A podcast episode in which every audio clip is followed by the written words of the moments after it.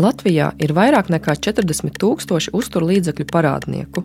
Tas ir apmēram tikpat daudz, cik ir iedzīvotāji Ventspīlī un tās novadā.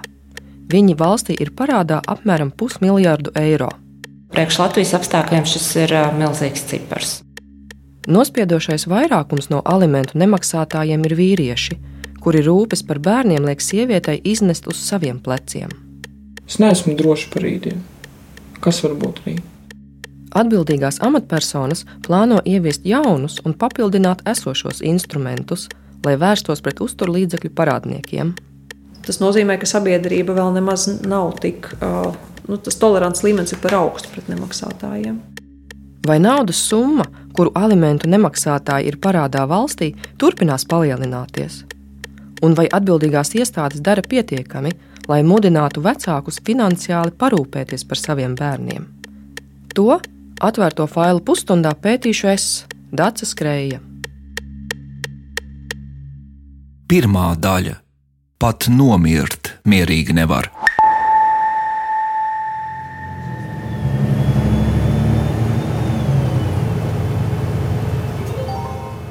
Rīgas centrā iekāpju autobusā, lai dotos uz vienu no galvaspilsētas mikrorajoniem. Es esmu sarunājusi interviju ar māti, kura savu bērnu audzina viena. Es nevēlos atklāt viņas īsto vārdu, tādēļ raidījumā viņu saukšu par Diānu. Kad izkāpju no autobusa, tad dodos uz savu galamērķi īrētu divistabu dzīvokli Lietuviešu projektā, kur dzīvo Diana ar savu bērnu. Esmu viena no tām māmiņām, kura principā mūsu, mūsu vīrietis, mūsu ģimenes galva jā, aizgāja prom no mums. Bija kaut kādas lietas, kuras bija grūti tikt pāri tam. Diana ar bērna tēvu izšķīrās vēl pirms bērna piedzimšanas. Pēc tam Viņa ilgstoši mēģināja ar bijušo dzīves biedru vienoties gan par finansiālu, gan morālu atbalstu. Es trīs gadus gaidīju no bērna piedzimšanas, un vēl trīs gadus gaidīju, runāju ar, ar mana bērna tēvu par to, ka, nu, vajag, nu, vajag. Es saku, viņš saka, man nav darba, nu, bija tie laiki. Es saku, ok, nāc un atbalsti bērnu morāli. Tomēr viņas pūles bija veltas. Vīrietis turpmāko gadu laikā tā arī necentās sazināties, un šodien bērns jau ir sasniedzis desmit gadu vecumu. Nu, trāpījās mums tāds tētis. Visu šo laiku Diānai finansiālu atbalstu ir sniegusi uzturlīdzekļu garantiju fonda administrācija. Tā ir iestāde, kas vienam no vecākiem, kurš aprūpē bērnu, otra vecāka vietā izmaksā noteikta apmēra summu viņa uzturēšanai.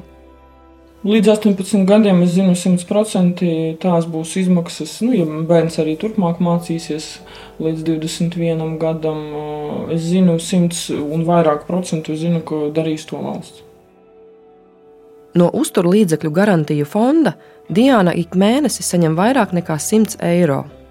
Šobrīd ir tie tādi grūti laiki, ka es vienmēr sēžu un domāju, ko es varu izdarīt ar to naudu priekš savu bērnu. Jo to nauda iet nevis tev kā mammai vai tētim, bet bērnam. Cik valsts nerunātu par to, ka medicīna līdz 18 gadiem ir bezmaksas, tie ir meli, pilnīgi meli. Nesen meitai biju pie zobārsta. Vai nu gaidi tajā institūtā trīs gadus, un vēl rindā tevi nepieraksta vienkārši tur kaut kur piekiksē, ah, nu viņai vajag tur to zobārstu. Es aizgāju uz privātu, pie sava zobārsta samaksāju 50 eiro. Pēdējos mēnešus viņa meklē darbu. Ir reģistrējusies Nodarbinātības valsts aģentūrā. Šajā laikā Diānai pāris reizes piezvanīja potenciālie darba devēji, kuri bija gatavi pieņemt darbā. Pirmais bija no, neatceros, no kaut kāda tur veikala, viņam vajadzēja to menedžeri vēl kaut ko. Pirmais jautājums, ko uzdot, jums ir bērni? Es saku, jā, cik? Saku viens, saku, kādā sakarā jūs man jautājat to? Nu, jums pat nu, tādu momentu, nu, jūs nedrīkst to darīt. Ko jūs darīsiet, ja jūsu bērns saslimst? Es atbildēju, ņemšu slimības lapu. Viņa tā man krievu valodā, vai nam viņa pat hodītie? Spasība, un nometa klausulu. Viņa stāsta, ka salāgavu darba slodzi un bērna audzināšanu ir ļoti grūti. Ļoti vēlu atbraucu mājās no darba, kaut kur ap četriem rītā. Es zināju, ka man astoņos jābrauc atpakaļ uz darbu. Bija lielas kravas, nu tiešām nebija kam strādāt. Un, uh, bērns, uh, pieceļoties no gultas, viņa atnāca uz virtuvi un modina mani. Es aizmigu. Pat tagad atceros, jo man bija drusciņš kauns tāds, un, un, un domāju, ka tu Dievs apstājies, nu ko tu dari?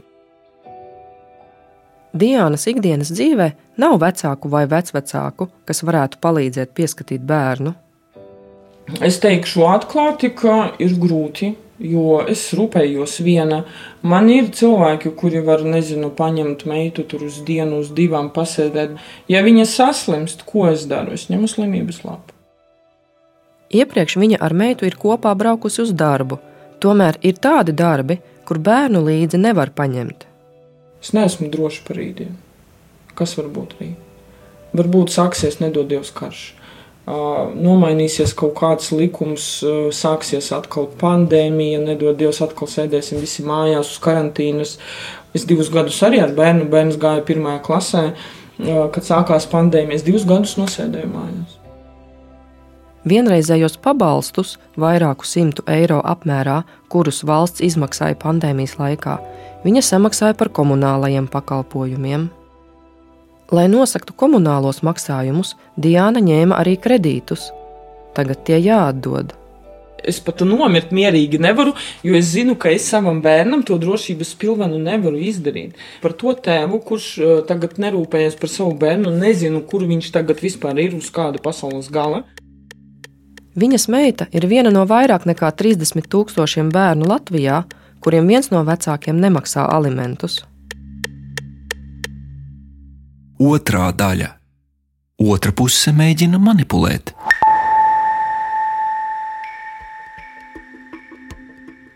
Latvijā ir apmēram 37,000 vīriešu, kuri nemaksā uzturlīdzekļus. Kādu brīdi starp viņiem bija vairāk nekā 40 gadus vecs vīrietis, kurš pat labam tiesājas par iespēju satikties ar savu bērnu. Viņš piekrīt anonīmai intervijai un norunājām, ka viņu dēvēšu par Kasparu. Kaut arī Kaspars nav oficiāli šķīries no sievas, abi jau ilgu laiku dzīvo atsevišķi. Mēs ar bērnu netiekamies, jo nu, ir, ir šobrīd ir otra puse. Vienkārši nu, ir, ir, zinām, mērā aizliegus tikties. Ir, nu, es to mēģinu panākt ar tiesas starp, starpniecību. Jo, jā, nu, ja mēs skatāmies arī no likumiskā viedokļa, nu, vecāku pienākums ir rūpēties un uzturēt bērnus. Dot viņiem to vislabāko, bet bērniem nav pienākums jebkurā veidā tikties. Kādu dienu Kasparam piezvanīja no bankas un sacīja, ka viņa kontus iesaldēs un viņam jāvēršas pie tiesu izpildītāja. Pie tiesu izpildītāja sazinājos, teica, ka esot pretenzijas pret maniem no uzturlīdzekļu garantijas fonda. Ar uzturlīdzekļu garantijas fondu mēs sazinājāmies, es aizsūtīju maksājumu uzdevumus, kurus es maksāju un pārskatīšu uz uzturlīdzekļus. Izrādījās, jā, ka situācija tāda, ka uzturlīdzekļi maksāti no manas puses, un vēl ir bijis pieprasījums par uzturlīdzekļiem no uzturlīdzekļu garantijas fonda. Nu, līdz ar to viņi bija pēc tam jāatmaksā prasītāju pusē atpakaļ. Uzturlīdzekļu garantiju fonda administrācija bija izsūtījusi pa pastu vēstuli. Tomēr tajā laikā Kaspars vairs nedzīvoja savā deklarētajā dzīvesvietā. Kad viņš ieraudzīja vēstuli, tad jau lieta bija ierosināta Šobrīd visticamākais, ka to var atrisināt, varbūt tas ir kaut kāda e-adrese un tam līdzīgi. Bet, nu, jā, nu, būtu vispār labi, ja teiksim, ir šāda iespēja, tad vismaz ir kaut kāds zināms, kad ir kaut kāda e-pasta adrese, uz kurien tad vismaz var aizsūtīt. Jo daudz bieži vien ir gadījumi, ka varbūt tas cilvēks ir ārpus valsts. Ir. Līdz ar to nu, šos paziņojumus varbūt tas vispār nevar saņemt. Tad, kad ja pretējiem ir vērsta jau ir kaut kāda regresa prasība, un, un tev ir iespējams arī kontu bloķēt. Kaspars fonda darbiniekiem izskaidroja situāciju. Viņš no sākuma vairākus mēnešus ģimenei deva naudu tāpat uz rokas, un pēc tam pārskaitīja arī uz bankas kontu. Uztur līdzekļu garantiju fondā secināja, ka ir noticis pārpratums, prasību pret viņu izbeidza. Tas nepasargāja to, ka nu, jebkurā gadījumā ir eh, šī situācija, jo nav jau nekādas vienošanās bijusi. Es esmu mēģinājis arī pat vienoties par kaut kādiem uzturlīdzekļiem Es esmu sniedzis priekšlikumus, ka varētu vienoties par kaut kādu konkrētu summu, no abām pusēm pieņemam. Ja? Bet nu, mums nav, diemžēl, kontakta mums vispār nekāda nav, un līdz ar to nav iespējams vienoties. Kaspars jau vairākus gadus mēģina regulāri sazināties ar bērnu, taču tas neizdodas. Tēvs biežāk nu, maksā arī šos uzturlīdzekļus, un līdz vienam brīdim, kamēr, kamēr pārstāj, jo nu, tikai tā iemesla dēļ, ka viņi neredz savus bērnus nu, ne katrs ir gatavs arī iet un tiesāties. Tas prasa gan pacietību, gan nervus, gan teiks, nu, zinām, entuziasmu, gan arī finanses. Un tas arī nav, nav teiksim, jo arī varbūt arī tiesas lēmums. Ka ir tiesības satikties ar bērniem, visas lūgas tur līdz gribas samaksāt, bet nu, tas jau nav, nav akmenī iekauts, ka jūs varēsiet arī satikties. Šī process ir arī gadiem. Viņa prāt, situācijā ar lielo alimentu parādnieku skaitu dažkārt pie vainas var būt otra puse. Es esmu dzirdējis ar dažiem cilvēkiem tieši runājot par to, ka nu, ar šo uzturlīdzekļu arī iespējams arī apjomu un lielumu jā, mēģina arī teiksim, otrs puses manipulēt, lai varētu satikt savus bērnus. Jā, nu, teiksim, kaut kādas prasības, piemēram, vai nu jūs maksāsiet, piemēram, nezinu, tur, 1000 eiro mēnesī. Pieņemsim, jā, tad nu, varēs satikt, ja maksās mazāk. Nesatiks, ja. nu, man pašam ir arī, nu, arī kādreiz bijis tāds uzstādījums, nu, aptuveni tā. Trešā daļa - klasisks stāsts.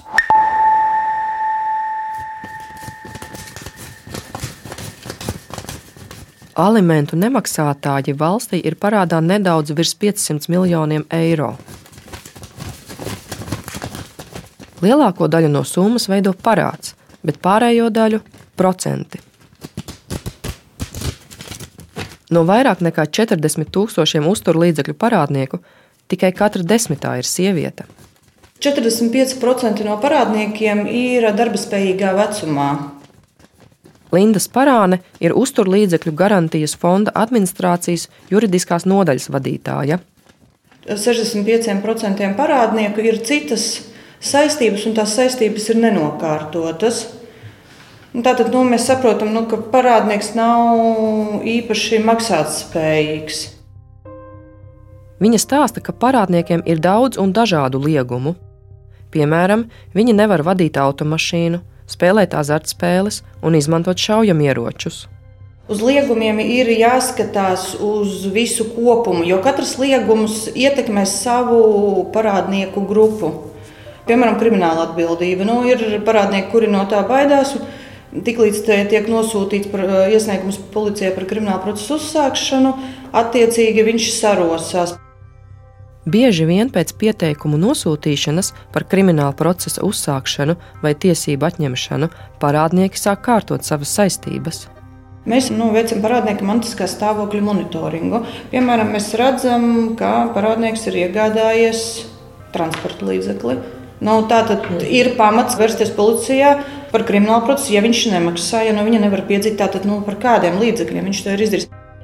Vairums Latvijas iedzīvotāju negatīvi vērtē alimentu nemaksātājus. To parāda sabiedriskās domas aptauja, kuru pērn veica pētījuma centrs SKDS. Latvijas zvērinātu tiesu izpildītāju padomes priekšsādētāja Iveta Kruka stāsta, ka tas daudz ko pastāsta par mūsu sabiedrību. Un es teiktu, ka tā arī ir tā kopējā arī sabiedrības pozīcija, jo nu, bērni tā ir svēta lieta un par bērniem būtu jārūpējas pašiem vecākiem, abiem diviem kopā, nevis valstī un uzturlīdzekļu fondam.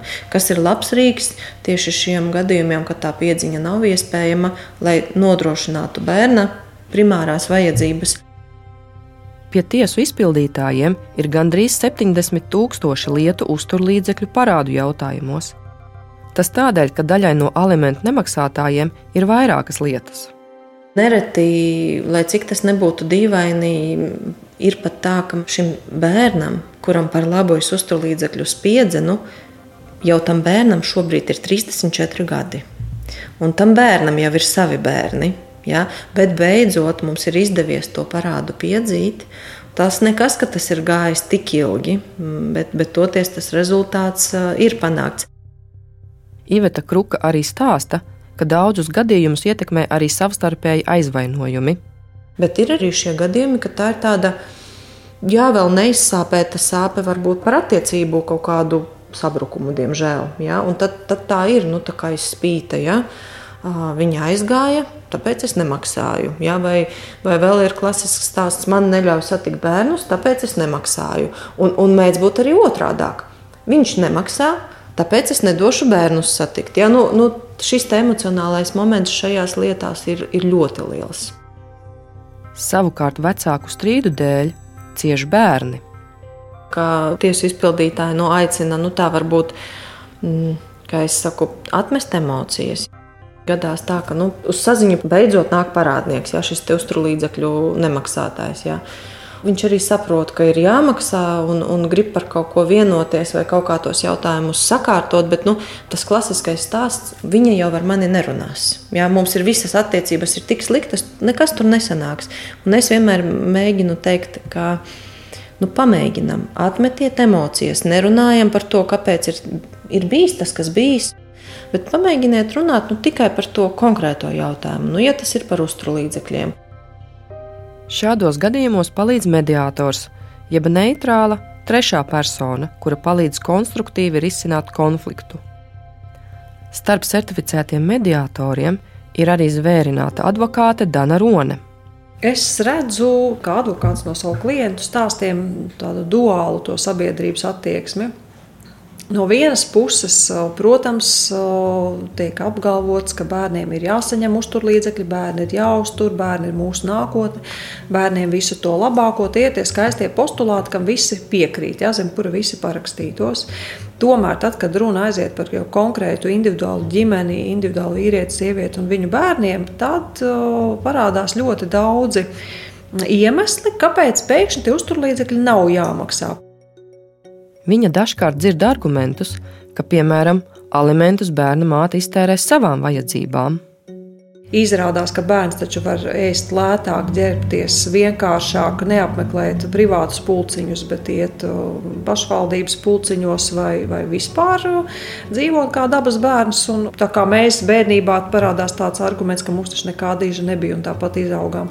Respektīvi, parādās iemesli, lai nemaksātu uzturlīdzekļus. Sabiedrība pati netieši atbalsta tādu sistēmu, lai rastos uzturlīdzekļu parādnieki.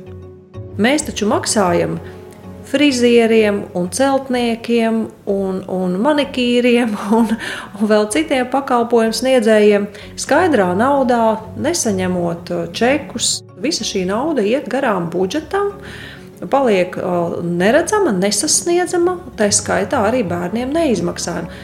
Tādu vidi mēs paši tolerējam. Šo sistēmu cenšas izmantot alimentu nemaksātāji. Dana Rone min piemēru par kāda bērna tēvu, pret kura viņa ar savu klienti nesen vērsās tiesā. Par tēvu tika iegūti tādi pierādījumi, ka jā, viņam ir legāls darbs pašam savā firmā. Un viņam pār 2022. gadu kopīgā alga, kas viņam tika izmaksāta, bija ap 200 eiro visu, visa gada griezumā. Un tā tad varētu padomāt, ja, ka cilvēks nu, kā pliks panātrēm sitas, ja, no rokas mutē dzīvo. Bet vienlaicīgi skatoties uh, Lursovas datu bāzē par to viņas siju, var redzēt, ka ar tādu augošu tendenci katru gadu šī sija atver pa jaunai struktūra vienībai. Ja? Tur viss ienākumi turās pa nulēm, tur nekādu ienākumu un dividendžu izmaksas pat arī nav. Bet uzņēmums turpina attīstīties tādā, tādā netipiskā veidā, vienā pilsētā ārpus Rīgas. Viņa tiesā centās pierādīt, ka tas neatbilst faktiskajai situācijai. Tikmēr otra puse apgalvoja, ka viņu pilnībā uztur jaunā dzīves biedra. Viņiem pašiem nepieder, bet viņiem ir šī īpašuma reģistrēti vai nu uz vecāku, vai dzīves biedru, vai brāļu māsu vārdiem. Tas savukārt nozīmē, ka tiesu izpildītāji netiek klāt šiem īpašumiem. Tie uzturlīdzekļu nemaksātāji, kas pie manis griežās uz konsultācijām, Nu, viņiem tās finansiālās iespējas daudziem ir labas, bet uh, aizmaskētas ar kaut kādām citām schēmām un citiem risinājumiem. Un viņus atbalsta citi cilvēki. Viņus atbalsta tie ģimenes locekļi, draugi, rādi, uz kuru vārdu pāraksta, kuri zina, kuri tolerē. Un tie esam mēs. Tas ir mūsu sabiedrībā, tas notiek. Mēs viņus atbalstam. mēs viņiem kaut kādā brīdī, tādā vai citādā veidā viņus paslavējam, sakam, malacis, ka tu tādu risinājumu atradi. Nu, tas tolerants līmenis ir par augstu pret nemaksātājiem. Ceturtā daļa - varēja atbalstīt kaut kas savādāk. Cienījamie kolēģi, labrīt! Ko darīt ar lielo alimentu nemaksātāju skaitu un arī milzīgo parāda summu, būs drīzumā jāizlemj saimas deputātiem. Lūdzu, sēdieties savās darba vietās. Viņiem būs jāskata grozījumi uzturlīdzekļu garantiju fonda likumā. Pārbaudiet savas balsošanas kartes. Kad likuma projektu izskatīs saimas komisijās, tad plenārsēdē deputātiem būs cita starpā jālemj, vai atbalstīt šādu ideju. Ja alimentu nemaksātājs atmaksā pamata parādu summu četru gadu laikā, tad valsts dzēsīs parāda uzrēķinātos procentus. Pat labam alimentu nemaksātāji kopumā valstī ir parādā apmēram pusmiljardu eiro. Priekš Latvijas apstākļiem šis ir milzīgs cipars. Inita Ilgaža ir Tieslietu ministrijas valsts sekretāra vietniece. Ministrija, kuras pāraudzībā atrodas uzturlīdzekļu garantiju fonda administrācija, arī ierosināja grozījumus likumā. Es teiktu, ka šobrīd tā nasta jau ir pietiekami smaga, lai mēs šajā brīdī apstātos un padomātu, kur mēs ejam tālāk. Ir viens no tādiem virzieniem, ko mēs domājam, ir tieši par tiem likumiskiem procentiem. Ir pilnīgi skaidrs, ka tas, ko valsts ir izmaksājusi, ka valsts ir tiesības to atgūt, bet jautājums ir par likumiskiem procentiem. Ja mēs jau nevaram atgūt pamatparādu, kāpēc mēs to parādu audzējam lielāku ar, ar likumisko procentu aprēķinu?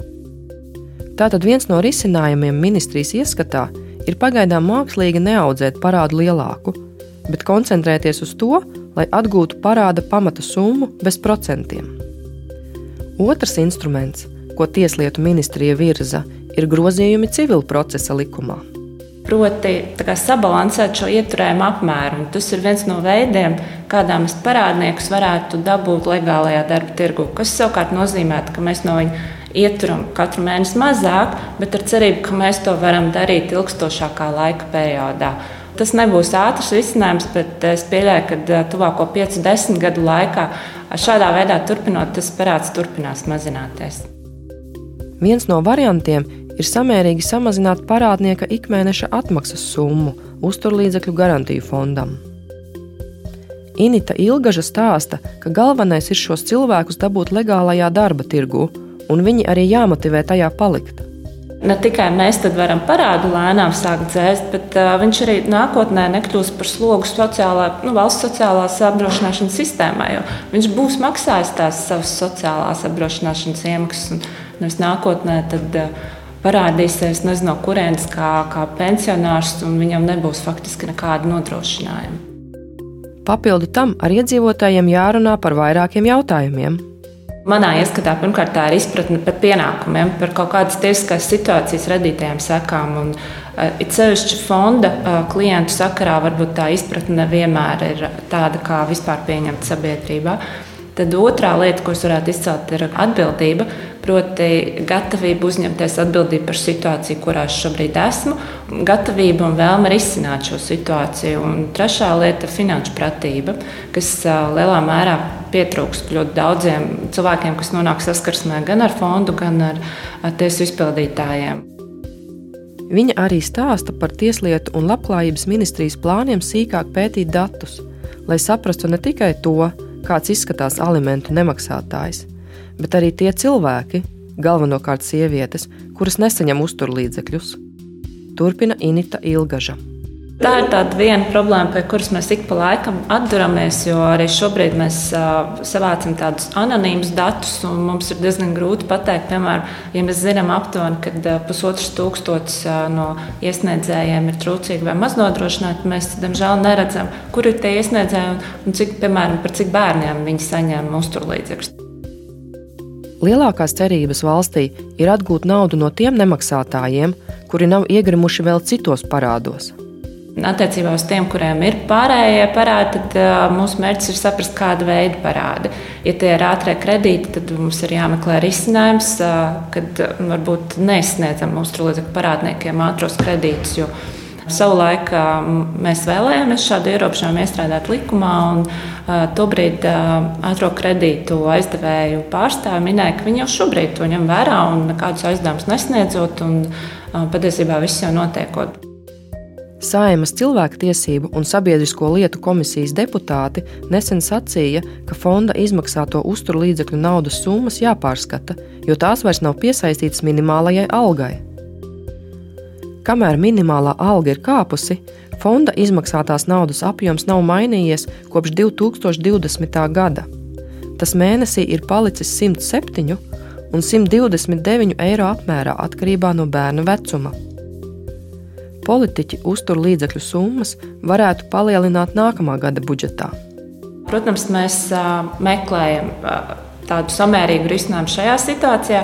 Un lieta, pie kā mēs šobrīd strādājam, patiesībā pētām, vācam datus, lai saprastu, kāds risinājums izskatās no tādas datu analīzes viedokļa. Ir palielināt, ap, iespējams, palielināt apmēru tām uh, grupām, kurām to tiešām vairāk vajag. Proti, tiem iesniedzējiem, kas iespējams ir masturīgi vai, vai trūcīgi, tad ir objektīvi, ka šiem iesniedzējiem tas lielākais apmērs tiešām ir vairāk vajadzīgs kā varbūt pārējiem iesniedzējiem. Tieslietu ministrijā izskata arī vēl citus variantus. Pārskatīt to īpatsvaru, kādā šobrīd administratīvā procesa kārtībā nāk cilvēks fonda, un tad ir otrs ceļš caur tiesas procesu. Un varbūt tur arī tā, tā proporcija ir jāsamazina. Varbūt liekot lielāku uzsvaru uz tiem cilvēkiem, kas nāk ar, ar tiesas spriedumiem, kā, kā tādus, ko nevar izpildīt. Turklāt uzturlīdzekļu summu ziņā Latvija ir līdere Baltijas valstīs. Gan Igaunijā, gan Lietuvā uzturlīdzekļi mēnesī par vienu bērnu ir 90 līdz 100 eiro robežās.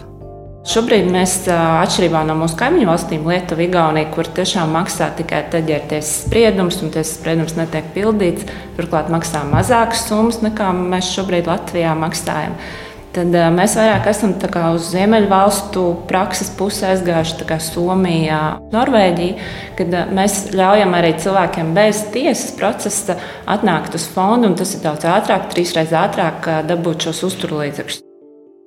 Citiem vārdiem sakot, arī vienkāršotā pieeja uzturlīdzekļiem un sistēmas darbības laiks ietekmē uzturlīdzekļu parāda apmēru. Tomēr tas, vai kāds no vairāk nekā 30 tūkstošiem bērnu saņems pilnvērtīgus uzturlīdzekļus, ir lielākoties atkarīgs no otra vecāka, viņa vērtībām, dzīves stila un finanšu pratības.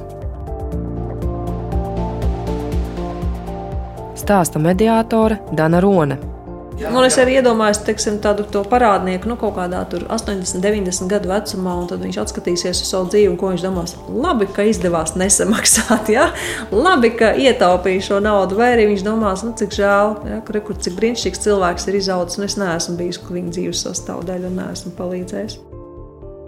Arī Diana domā līdzīgi.